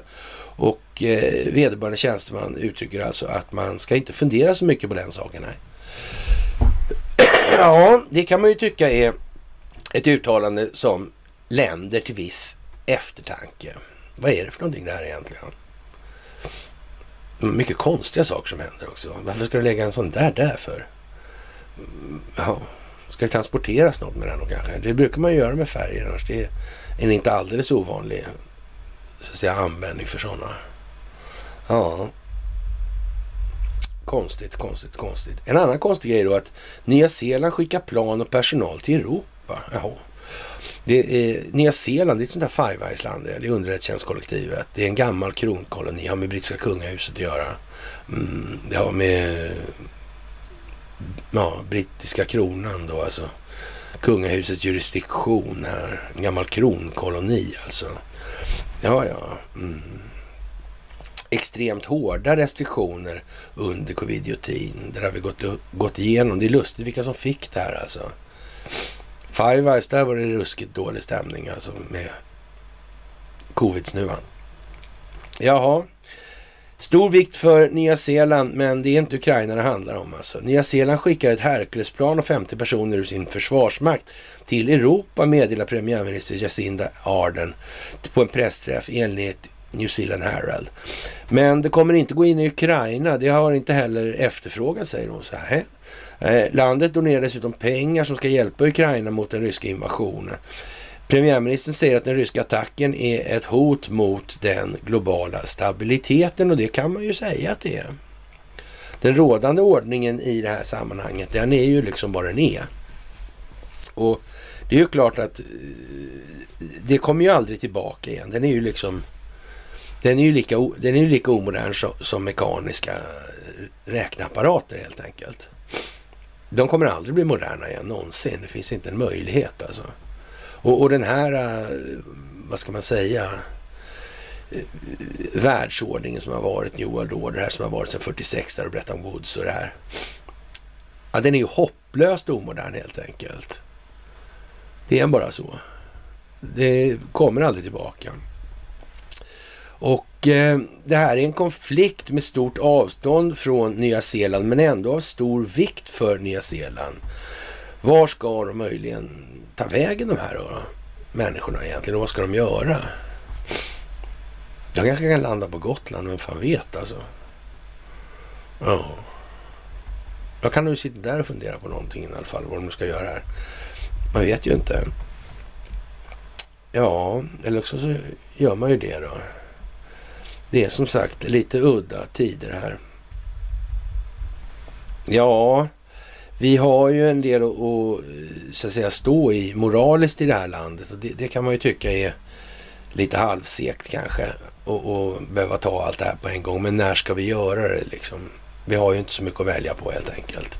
Många har gjort väldigt lite under väldigt lång tid. Därför står vi där vi står alltså. Någon som har varit ganska flitig i alla fall, det är Oleg Deripaska. Han är storägare i svenska, flera svenska företag. Däribland aluminiumsmältverket Kubal i Sundsvall. Alltså. Och det här är lite speciellt måste vi säga efter vi har snytt oss. Och eh, vad är det som är så speciellt här? Jo, från början så uppfattade ju vi som alla andra då att det var en jävla rolig film där, jävla klippet med Deripaska och Putin. Så här i efterhand med avseende på den här planeringen som måste ha förelegat för genomförandet av det här folkbildningsprojektet så får man ju se den där, det där klippet i ja, ett annat ljus av verkligheten kanske då. Möjligen kan det ju vara så att Deripaska är, liksom ganska så införstådd med de här processerna och vad det här är för någonting. Och möjligtvis är det, beror det på att han har jävligt långa tag taggar på det här, i det här stacklet som han har runt halsen också. Så ja, kanske till och med liksom har spelat den här teatern bara på det viset. Och kanske egentligen inte är så dålig alls. Alltså, han, han, gör ju inte mycket annat väsen av sig än åker fast för massa sådana här ja, i sanktionssammanhang och grejer. Det är svårt att säga riktigt vad, vad ont har han gjort. Och så var det ju det där med den här Lavrov, då, eller utrikesminister Lavrov. Vad sa han till Ann Linde egentligen? Att Ryssland förväntar sig hjälp med Kubals verksamhet i Sverige. Men, men om nu Deripaska är en sån jävla statsgangster eller i Ryssland. Vad, vad, vad säger utrikesministern sådär för det? Det, det är därför han är kompis med Deripaska. Ja. E, eller vad är det som händer här egentligen? Man kan ju lätt säga så här att i ljuset av det här lilla projektet med att göra Sundsvall till ett logistikcentrum på ostkusten där och, och med, med så att säga ja, möjliga rörligheter ut i Atlanten och, och Trondheim och Atlantkablar och E4 och E14 och så vidare. Och strömförsörjningen eller kraftförsörjningen längs Ljungan. Mm. Ja, någonstans så ska ju så att säga den industriella kärnan förläggas. Och det måste ju bli en stad som har grundats av Axel Oxenstierna. Det är ju helt givet alltså. Och Tulehus. Det är helt självklara grejer här nu. Såklart. Ja, sådär alltså. Och då gör man ett logistikcentrum av en så att säga, rätt så väl tilltagen omfattning. De har byggt ut väldigt mycket här också i de här sammanhangen. Till och med järnvägsanknytningar och centralstation naturligtvis också. Man förväntar sig mycket trafik dit. Ja, alltså man använde ju naturligtvis skifer när man byggde det ut. Det gjorde man ju. Ja, jag undrar jag. Eller så kanske jag inte gör det så mycket längre. Nej. Nej, nej, nej, nej. Ja. Jaha. EU har lagt sitt femte sanktionspaket mot Ryssland som bland annat ska stoppa ryskt kol och ryska fartyg. Nu står det även klart vilka nya individer som får sanktioner riktade emot sig. En av dem är Oleg Deripaska som sedan tidigare står på Storbritanniens, USAs och Australiens sanktionslistor. Mm. Storbritannien och USAs och Australiens, det är de där, det är tre av fem igen. Det är inte konstigt. Och allihopa har det gemensamt. De har ett och samma företag som kontrollerar telekominfrastrukturen. Det är företag som sedan november 2019 står i kontroll av amerikanska justitiedepartementet. Men det har alla glömt bort i de här sammanhangen. Det är ingen som kommer ihåg det längre. Inte Ryssland heller. Nej. Som det här företaget lämnar idag. Men det hänger inte ihop. Inte alls. Mm. Ja, ja. Jaha. Eh, SVT har i en rad publiceringar granskat Deripaskas ekonomiska intressen i Sverige. Han är bland annat den största enskilda ägaren i ryska Rusal som i sin tur äger aluminiumsmältverket Kubal i Sundsvall. Och där drar vi nu en lans för att eh, Deripaska behöver ju faktiskt inte vara riktigt så korkad så, vara så riktigt så korkad så att han försöker sno Vladimir Putins penna. Det behöver han ju inte vara. Och hela världen gapskrattar åt det där. Men det kan ju vara så att Deripaska inte är riktigt så korkad. Det vet vi ju inte. Och att Kreml skulle vara så imbecilla så de inte hade ett antal oligarker som faktiskt har gjort det de har gjort med ett helt omvänt syfte än vad som har förespeglats. Ja, är Kreml så dumma? Ja, som enligt Marcus Oskarsson, Anders Lindberg, Wolfgang Hansson och det vanliga gänget så är de, då är de ju så dumma. Då är, eh, och Putin är maktgalen liksom. Mm. Det säger, för det säger Jan Guillou. Ja, en moralisk res, resa på 1,08 liksom. Mm. Ja, ja. Ja, ja. Och eh, som motivering till de nya sanktionerna skriver EU-rådet att Deripaska äger bolag som är viktiga leverantörer av vapen och militär utrustning till den ryska väpnade styrkan och som används under invasionen i Ukraina. Det, det, det kan ju egentligen inte vara någonting som ja, äger bolag som, som är viktiga leverantörer av vapen och militär utrustning. Jag vet inte, Sverige har, har också några företag, eller rättare sagt Investor har ett antal företag mer noga räknat då, som, som ja, vad ska vi säga, underleverantör till kärn, kärnvapenindustrin. Men det kanske inte sorterar under samma moraliska eh, kriterier eller någon form av annorlunda det där? Ja, jag vet inte. Jag vet faktiskt inte det. Därför är han ansvarig för att stödja eller genomföra åtgärder eller politik som undergräver eller hotar Ukrainas territoriella integritet, suveränitet och oberoende eller stabiliteten eller säkerheten i Ukraina, skriver rådet. Ole Deripaska är också storägare i den österrikiska byggkoncernen Strabag. I koncernen ingår flera svenska bolag som har fakturerat myndigheter på miljarder för stora infrastrukturprojekt, däribland Förbifart Stockholm, Citybanan i Stockholm och Marieholmstunneln i Göteborg. Nu känns det som att det ringer klockor här, gör det inte det? Mm, det var Skalmans snytklocka alltså. Ja, bortsett från den då så kan man väl säga så här. Vad har de här gemensamt alltså? Mm. Förbifart Stockholm. Det är den där som aldrig blir klar va? Eller? Är det inte så? Kanske. Citybanan, Marieholmstunneln i Göteborg. Var, var det någon av de här som har dragit över kostnader? Nej. Mm. Om vi vänder på det där och så vi har gjort så här, eller Marcus gjorde så här, eller vi snackade om det igår, så bestämde vi oss för att vi sätter eh, Deripaska i två upplagor alltså. På en gungbräda. Vad är det där för jävla lirare egentligen? Vet vi det? Vi kanske inte ska inteckna oss så hårt till det ena eller andra. Tänk om Deripaska i de här byggbolagen och i den här offentliga konsumtionen har en massa uppgifter. De här fördyringarna kan ju ha viss, om vi säger, Stockholmsbyråkratisk förankring. Att smyga in Deripaska i Karolinska kanske skulle väckt lite ont blod, eller vad man ska säga. Skulle ha varit lite väl tydligt kanske.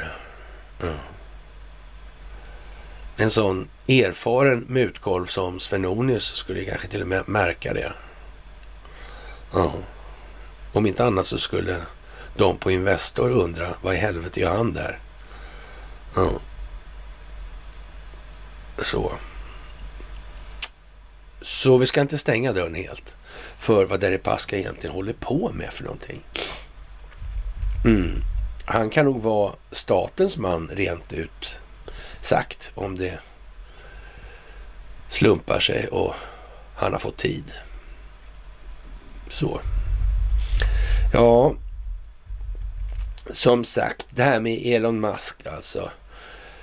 Business Judgment Rule på svenska handlar ytterst om ett metodansvar som kommer tillbaka så fort vi ska värdera om ett handlande var aktsamt eller inte. Alltså det gäller att fokusera på handlandet och handlingssituationen, inte på händelseförloppet efteråt. Alltså vad var uppsåtet med någonting? Vad var uppsåtet bakom att Twitter gjorde som man gjorde under presidentvalskampanjen? I det här. Vad kan det ha varit? Valet 2020. Visste man inte vad man gjorde överhuvudtaget? Det ansvarstagandet som bolaget visade upp då, styrelsen alltså, i förhållande till amerikanska konstitutionen. Det där verkar inte så bra. Det måste kunna utkrävas rättsliga påföljder i den sammanhanget. Men då gäller det också då att det är brott mot den amerikanska konstitutionen. Det är högmålsbrott alltså för styrelsen då. Det, kommer inte dö, det duger inte med penningböter. Det kan det inte vara. Nej, det kommer det inte göra. Nej. Konstigt det där. Och Elon Musk, han vill inte sitta i styrelsen längre. Ja, som sagt, han tycker att det verkar mindre lyckat tydligen. Och det kan det ju mycket väl vara faktiskt. Och eh, som sagt, i den situationen han eh, befinner sig nu så kan han ju bli majoritetsägare lätt som helst. Och ska de få något betalt för sina aktier nu? När det gäller då Vanguard och Blackrock så är det som vi har sagt, man får titta lite på det här med Palantir då. Och inte företrädesvis bloggen Palantir utan så att säga det stora Palantir. Ja, även om jag var före i, i kampen om det där varumärket i Sverige. Men det var ett tvärnit. Sådär. Ja, konstigt nog så. Redan då, redan då. Och eh, ja, anledningen till att han har gjort som han har gjort den är ju vad den är. Varför säger han så här konstiga saker som att är det döende? Ja, helt säkert i sin nuvarande form och tappning. Så är det ju. Mm, men frågan är vad som blir kvar. Och samtidigt måste man ha det här jallarhornet. Och rätt många människor tycker det är jobbigt att läsa ja, flera meningar efter varandra. Mm. Ja, det kan man ju tänka på. Och som sagt, hur det här ser ut i optionssammanhang innan förvärvet, det vet vi inte. Hur det ser ut med kurspåverkan, det här som styrelsen har ägnat sig åt. Det vet vi inte heller. Hur har det påverkat aktieägarnas situation? Mm. Amerikansk juridik är inte svensk juridik i de här sammanhangen. Det ska vi också ha klart för oss.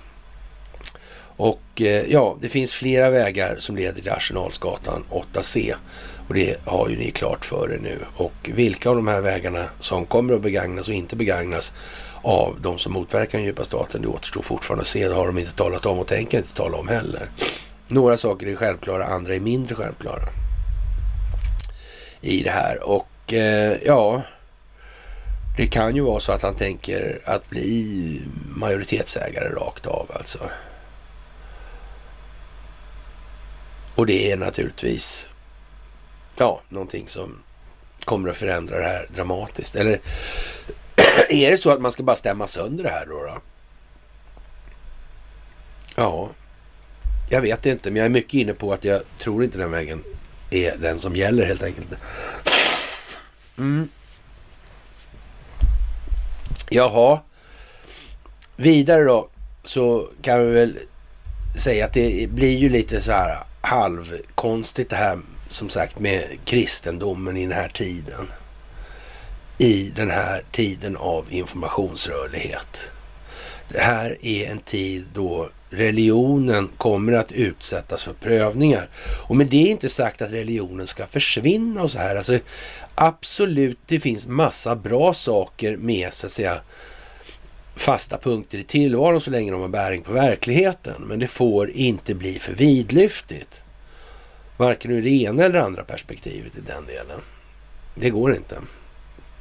Och eh, som sagt, kristendomen utan Jesus, den är ju liksom någonting och Athanasius förstod ju på abstrakta substantiva maktspel och eh, palmsöndagen igår alltså, det är inledningen på påskveckan då och eh, ja, det är söndagen före påsk som i kyrkoåret då inleder stilla veckan som vi nu befinner oss i. Det ska vara en lugn och skön vecka det här nu förstår ni. Palmsöndagen är ägnad minnet av Jesu intåg i Jerusalem då han red på en åsna in till Jerusalem och hyllades av folket.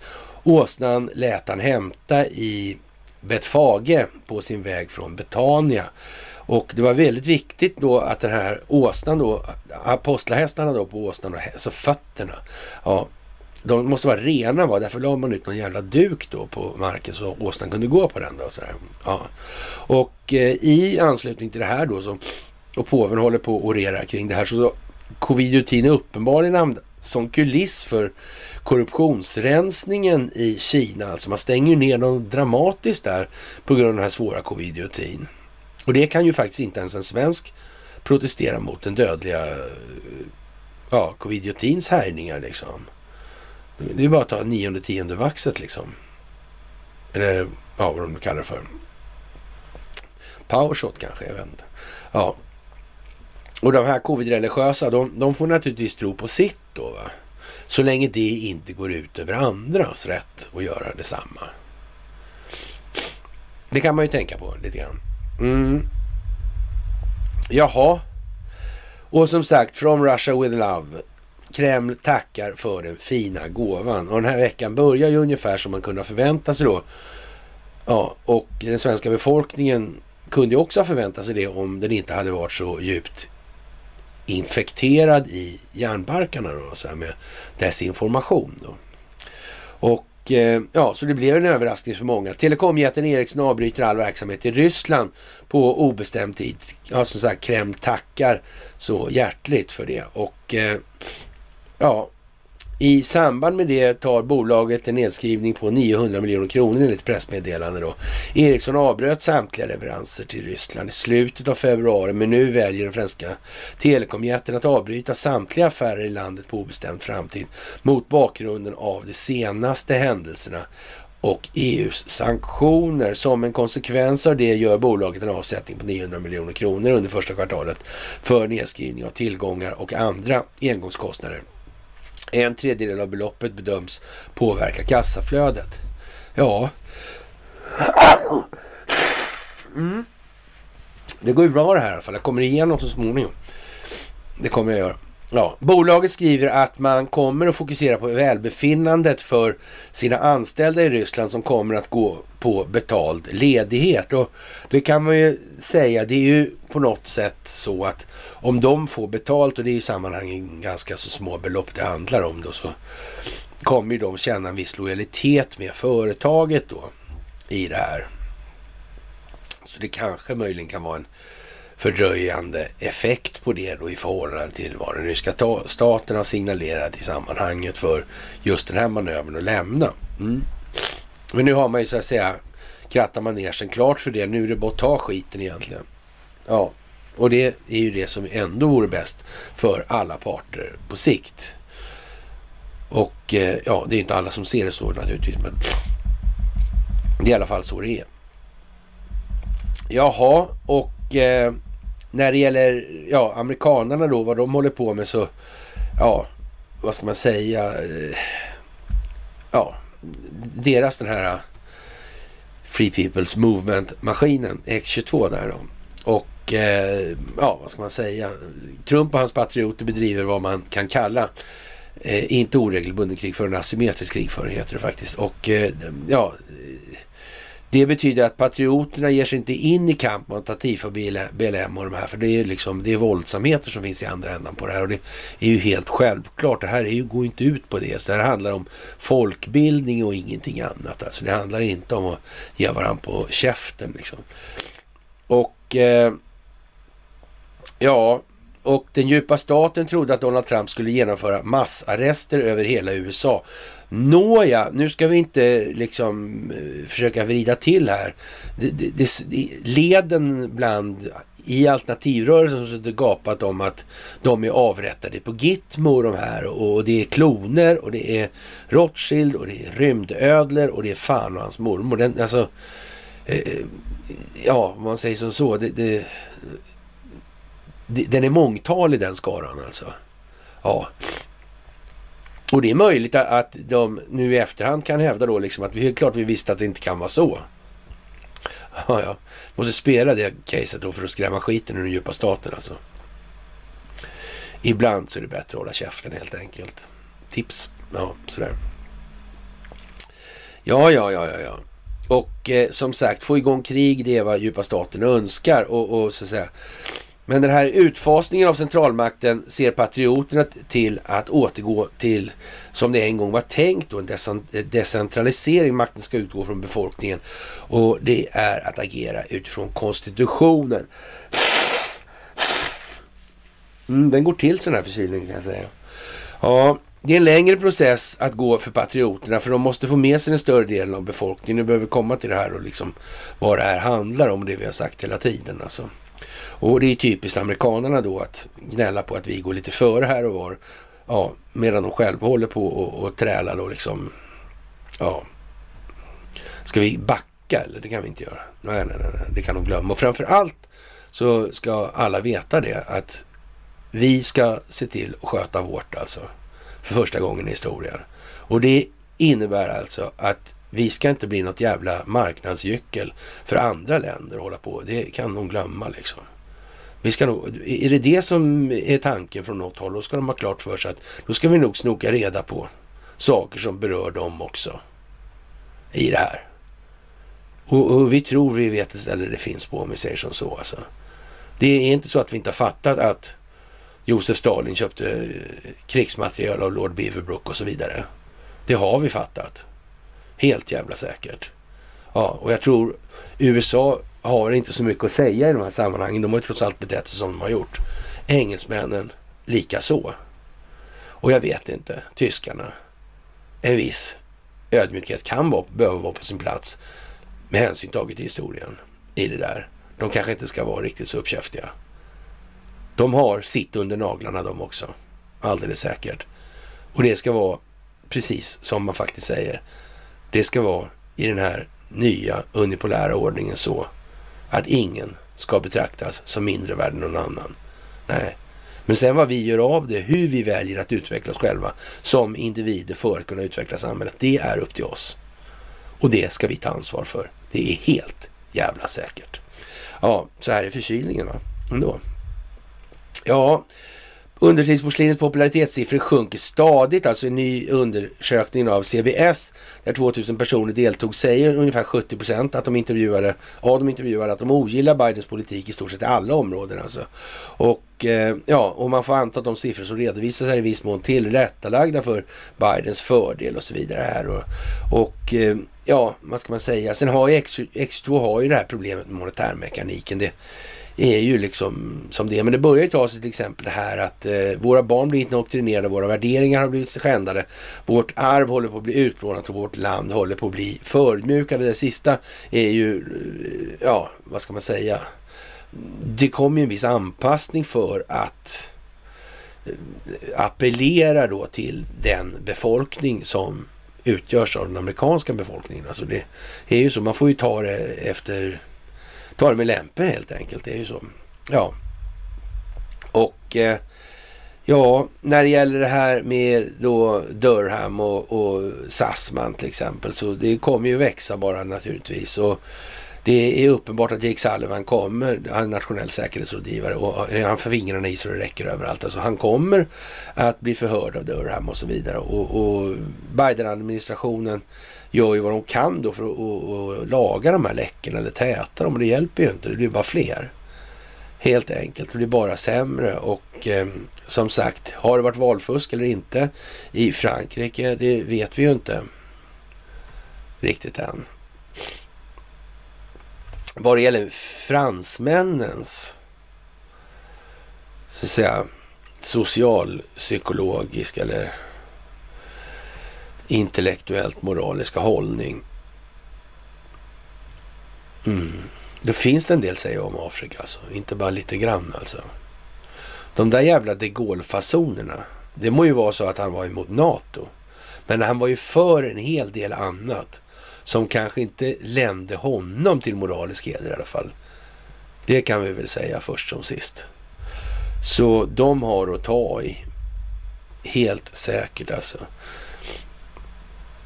Jaha, och Boris Johnson i Ukraina åker runt med Zelensky och vinkar åt människor. Det där går inte så bra för Zelensky. Han, han hänger inte riktigt med Boris tempo på sarkasmerna där. Han är lite för rapp i både tal och tanke, Boris helt enkelt. Men som Donald Trump säger, Boris vet hur man spelar för att vinna. Ja, och från den här tiden med Sykes-Picot-avtalet och sönderfallet av det Osmanska riket där. Då har han en del påbrå som är mer än intressant faktiskt. Och, och det ska nog engelsmännen vara jävligt tacksamma för i det här läget vill jag påstå. Men fortfarande är det ju en bråkdel av jordens befolkning som ens förstår vad Boris Johnson håller på med. Ibland så glimtar det till liksom, tycker de. Men, uh, I det stora hela mycket konstigt. Samma sak med Mike Pompeo. Mycket märklig typ alltså. Fast han har gått ut under devisen We lie, we cheat, we steal. Det var vad han lärde sig. På de militära skolorna. I underrättelsetjänstsammanhang. Mm. Men att dra en slutsats av det. är det är för svårt för många. Jaha, och eh, ja, överlag så är ju liksom, vad ska man säga, X22 kan man ju se som, som en temperaturmätare lite grann så man inte springer för långt före och börjar gaffla för mycket om det ena och det andra. Liksom. Det, det, det, har vi provat rätt många gånger nu, alltså vad som händer då. Utan man ska hålla sig liksom lite tempoanpassad sådär alltså. Ja, och det är naturligtvis liksom ingen slump då alltså med de människor som ställer upp i de här sammanhangen. Och, ja. Men vi har ju en egen liten svensk här nu så tänkte de kunde ta och titta på den istället en stund. Sådär. Och eh, ja, George Soros hade i det här tweeten då han skrev och tänkte högt att i det kommande mellanårsvalet kan den djupa staten göra en nedstängning av kommunikationen så att människorna inte ska kunna använda sina mobiler för att informera sig. Och eh, ja, när människor då blir varse om att de inte kan informera sig så kommer demokraterna och den djupa staten att skylla på att det är Donald Trump då som har gjort det här och naturligtvis. Och ja, vad ska man säga? Frågan är, vet George Soros att Tusse är stacklad eller inte? Det kan man väl säga att det borde han ha kunnat räkna ut vid det här laget. Så jävla långt bort är det inte till Daniel Sachs helt enkelt. Det är trots allt samma styrelse han sitter i som Soros och hans familj. Så, så det kan inte vara så svårt. Men man vet ju inte vad de har lovat för fina belöningar om de skvallrar. Så ja, ja, det får väl vara osvuret i den delen då. Ja, och eh, det är ju intressant kanske då, varför behöver man definiera en journalist som granskande? Finns det journalister som inte granskar? Och vad gör en journalist som inte granskar då? Ja, det kan man fråga sig, kanske. Jaha, och eh, Ukra eller Österrike ska jag säga förresten. Den här Karl Nehammer som ska träffa Putin där alltså. Det är speciellt. Och den första europeiska ledaren som ska hålla personliga diskussioner med samtal då med den ryske presidenten sen den ukrainska invasionen. Han var inte där på någon sommar där och dansade på något bröllop. Han dansade en sommar i alla fall. Hon. Ja, annars var det en svensk film. Han hette Hon dansade en sommar har jag för mig. Och eh, det där är speciellt. Mm. Det verkar vara en känslig del det där. Österrike. Det är neutralt nu säger man också. Mm. Ja, ja, det är ju som det är naturligtvis. Ja, det här är med de här gamla artiklarna, eller ja, draperna jag skriver om ja, emotionell självförståelse och själslig utveckling och de här grejerna. De börjar ju faktiskt ta sig i uppskattning då. Folk har nu efter tio år då tyckt att Ja men fan ja, just det. Ja, sådär. Och jag även, förra gången så rekommenderade jag ju då den här boken av Damasio, Känslan av att leva. Det finns en annan som heter Descartes dilemma också som är också värd att läsa i det här. Så finns det en tanta som heter Danuta Wasserman som har skrivit en massa om depressioner och sådär. Och det är ju ganska, kan vara ganska bra att sätta sig in i de här frågorna. Och de står där bakom, så men jag orkar inte plocka fram dem nu. Och... Eh, eller också står de där borta. Eller där. Whatever. Ja, hur som helst. De här böckerna är, är ganska bra. Men framförallt tror jag att en bra början i det här, det är att ta det här med ja kanske inte Descartes utan känslan av att leva i alla fall av där, Den, den är riktigt bra alltså på det viset att man, man så att säga får en uppfattning eller ett begrepp om hur, liksom den språkliga betydelsen av så att säga eh, ja, hur, hur, hur viktig är orden egentligen alltså? Alltså orden i semantiken, alltså värdeladdningen i de här orden. Hur viktig är den alltså för signalvärdet? I det här när man sätter ord på sina egna tankar. Sätter man alltid så att säga den mest precisa beskrivning som bara är möjlig eller, eller som man själv egentligen har möjlighet att göra. Gör man ens det?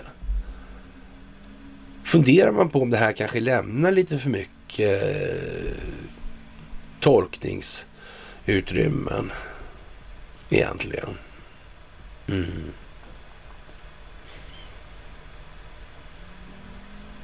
Ja. Så att säga precisionen och, och kanske möjligtvis ändå samtidigt ha en inneboende dubbelhet i det. Det brukar vara det bästa alltså. Flera hårt avgränsade perspektiv i en beskrivning. Och de här perspektiven ska helst vara samverkande också. Det brukar vara en ganska bra grej att tänka på. Om man ska sätta ord på sina egna tankar. Mm. Sådär. Ja, det där är ju som sagt som det är. Och eh, ja, deepstate.se alltså då. Och eh, ja, vad ska man säga? Fantastiskt. Helt enkelt. Är det. Det är viktigt. Ja, kära ni, jag vet inte. Det är ju... Ja, rätt så mycket med, med och, ja, ska vi säga, olig, ryska oligarken bakom Sundsvallsbolag på EUs sanktionslista och så vidare. Det, här, det går ju väldigt snävt nu och vi har inte liksom mage nog att sitta och läsa i mina egna de här känslodraperna även om jag vet att några av er tycker det vore precis vad jag borde ägna mig åt och, och möjligtvis kan jag väl göra det då. Inte idag naturligtvis eftersom jag är förkyld men jag kan väl göra det vid nästa tillfälle kanske sådär då. Och eh, de här olika eh, ja, ska man säga, företag i nätverket, ABB Sverige, AstraZeneca, Atlas Copco, Axel Jonsson, Elekta, Ericsson, Företagarna, H&M, Ikea, ICA, Indiska, KF, Lindex, Löfbergs, Ratos, Sandvik, Scania, SEB, SPP, SSAB, Systembolaget, Tele, Tele2, Telia, Tetra Laval och Unilever och Volvo. Ja, när man beskriver då Swedish leadership för hållbar, eller svenskt ledarskap för hållbar utveckling då, grundades 13 av Sida och vdn från flera svenskbaserade företag för att inkludera näringslivet i processen med att ta fram Agenda 2030 och de globala målen. Nätverket ingår, I nätverket ingår 26 företag för olika, och olika expertorganisationer. Och tar man sig för pannan eller vad är, det, vad är det de vill? Varför, säger man, varför publicerar man sånt här för? Ja, har man inte förstått det nu så får man fan tänka till lite. Och som sagt alltså, Turkiet tänker inte släppa in NATO i Svarta havet och det är ju som det är nu bara. Och ja, vad, vad fan ska man säga? Det är ju bara det. Och eh, ja, Peter Wolodarski är en intressant figur faktiskt tycker jag i det här. Och, och, eh, även om det är en jävligt patetisk figur ska jag säga så här. Men hans farsa Alexander Wolodarski, han Eh, gjorde en jävla karriär i Sverige, det får man ju säga alltså. Ja, och, och han blev ju liksom någon slags uppföljare till den här jävla dåren Hjalmar Mer då. Som sabbar hela stan. Nu var väl inte Wolodarskis farsa lika, riktigt lika illa, men, men, men, det är uppenbart att han har haft ett eh, jävla arkitekton, arkitektoniskt inflytande av någon anledning som inte är riktigt klar. Och, och eh, om man säger så här då, att farföräldrarna till Peter Wolodarski, fadern då till Alexander Wolodarski, han var tydligen i, farten när det gällde den här ryska revolutionen. Och jag undrar om inte han var lite insyltad i det där Men kanske han kände den här äh, Robert Asch då. Höll på säga, men Olof Asch i alla fall. Som sedermera blev Olof Aschberg, röde bankiren där. Ja, för lång, alltså avståndet mellan Bonnier och, och, och det, det, är inte långt alltså. Kan ha varit så egentligen. Ja, det kan ju ha varit så. Det ser ut som att det skulle kunna vara så helt enkelt. Mm. Det är lite som en anka och går som en anka, låter som en anka och luktar som en anka och lalala som en anka. Mm. Ja, som sagt, vi har den här filmen med Deripaska upplagd och eh, nu är inte den så att säga eh, ja, riktigt upplagd, det är indelat på sidan sådär, men den är ju inte upplagd för, med det ändamålet liksom att faktiskt tänka till. Vad är det? Ja. Och just det här han säger. Har du skrivit på det här Deripaska? Ja, säger Deripaska och vet att han inte har skrivit på. Och Putin direkt. Ja, jag ser inte dina namnteckningar. Ja. Och sen försöker han sno pennan. Allvarligt talat. Alltså i dagens läge. Vad är det där för något? Ja, eller hur? Mm, det här är en förkylning i alla fall. Det ser ni. Ah, ja, man får inte ge för lite förkylningar. Det, det, det vore det lilla problemet här i världen. Kaikkonen och Hultqvist yppar inget innehåll i det förtroliga samtalet de här emellan då. Och, eh, men någon försvarsallians är alltså inte i sikte. Och finnarna vill gå med i NATO nu sägs det om enligt uppgift då. då. Mm. Ja, vad är det här för något? Och som sagt, det är ju på en eller annan sida staketet i det här. Det är ju bara så alltså. Mm. Och eh, ja, det är mycket som konvergerar nu, verkligen. Alltså. Och jag ser att någon delade in eller någonting med Fritz Termer. Det, det där är en lite intressant grej med, ja, med Skådaverket Drexler, heter det då, i gamla Tjeckoslovakien. Och försäljningen av det här Skådaverket Drexler till IG Farben, det är faktiskt värt att sätta sig in i. Det är hur man undviker att få återvinning på saker man egentligen har mer eller mindre snott av någon annan.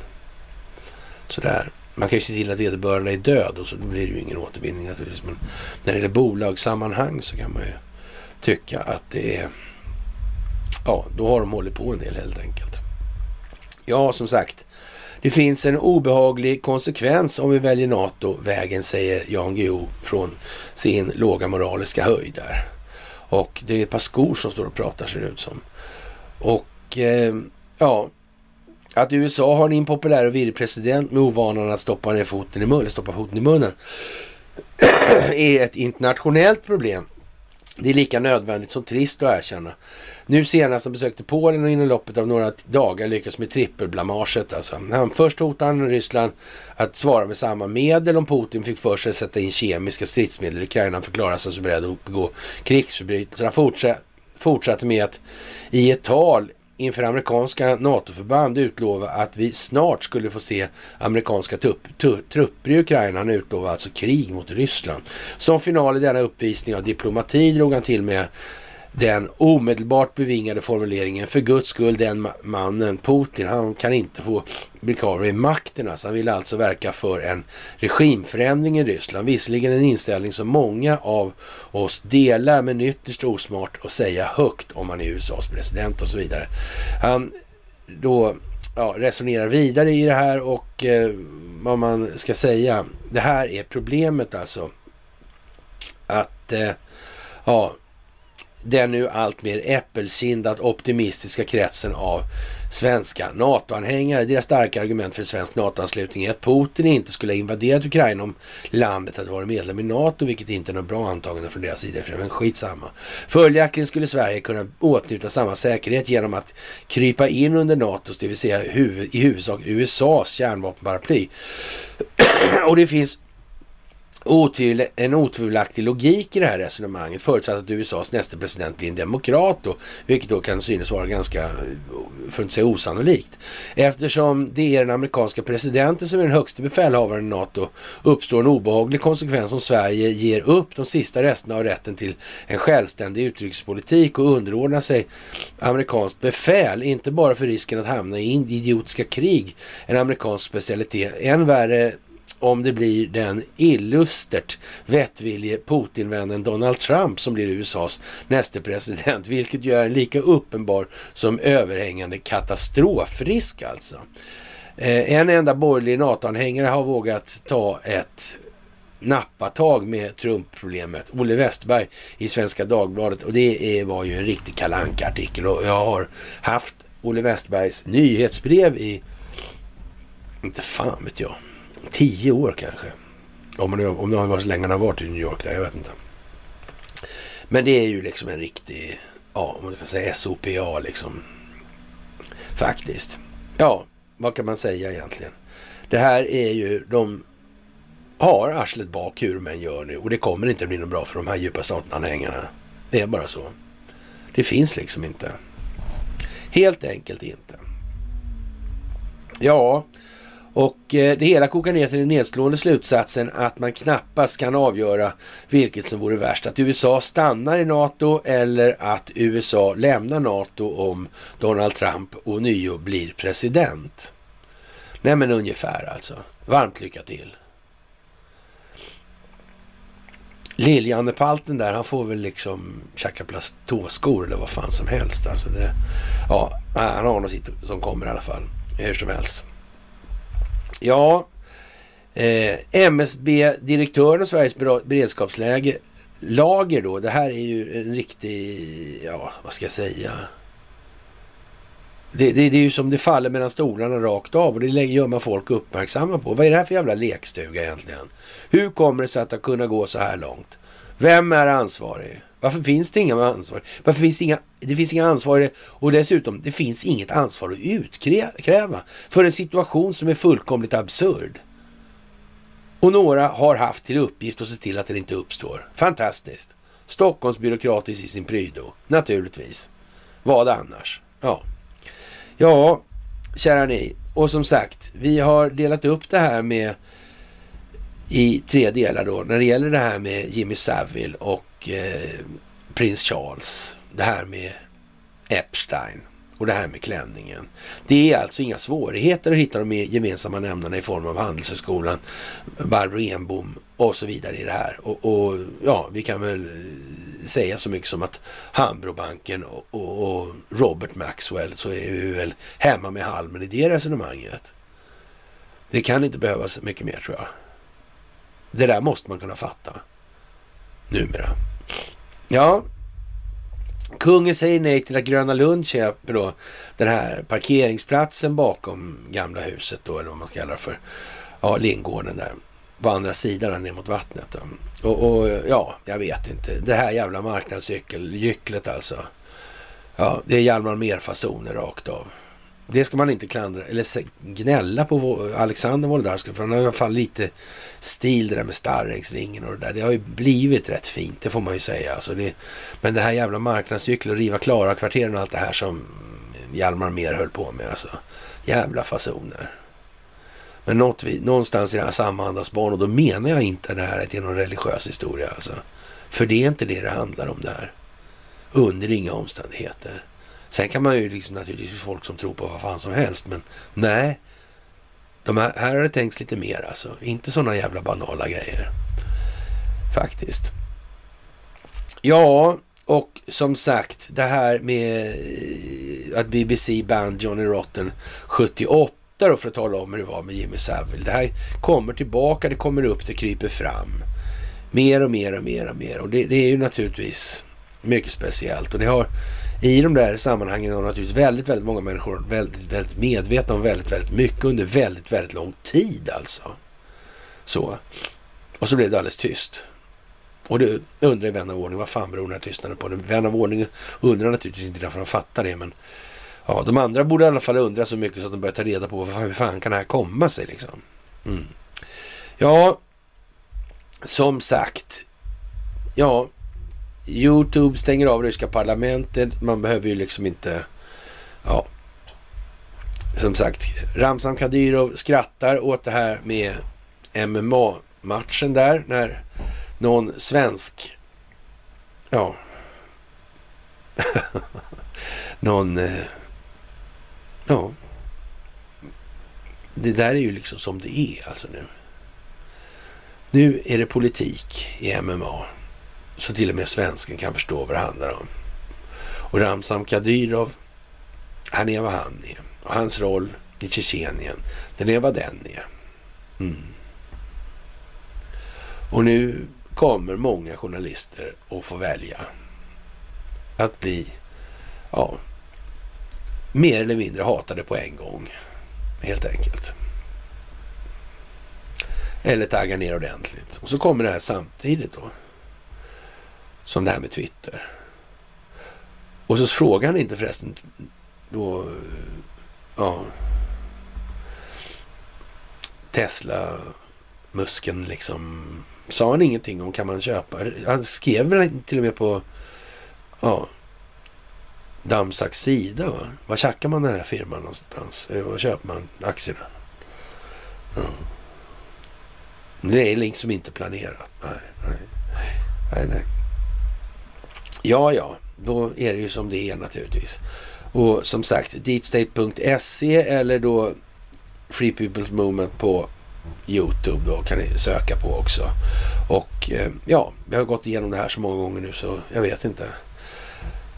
Det är jätte, jätte mycket att hålla reda på och eh, ja, vi eh, kan väl bara säga att vi är tacksamma. Vi är enormt tacksamma för att få göra det här tillsammans med er och det här är fantastiskt. Och eh, med det kära vänner så får vi väl hoppas på en fantastisk påskvecka helt enkelt. Och eh, vi återkommer väl på måndag, höll jag på att säga, men det är det ju inte, det blir onsdag. Och eh, ja, frågan är ju liksom vad kan hända näst? Vad kan hända näst? Vad som än händer nu så är det ju dramatiskt så det förslår helt enkelt. Och eh, vi får väl ta och vårda vår förkylning lite grann så vi får behålla den ordentligt länge. Det måste man ju göra. Sådär. Och eh, vi får hoppas att ni klarar ifrån att bli förkylda. Helt enkelt. Och vi hoppas på att det ja, jag klarar mig från att behålla min förkylning. Sådär. Och med det så får vi väl tacka för dagens lilla begivenhet och önska varandra en trevlig måndagkväll. Sådär.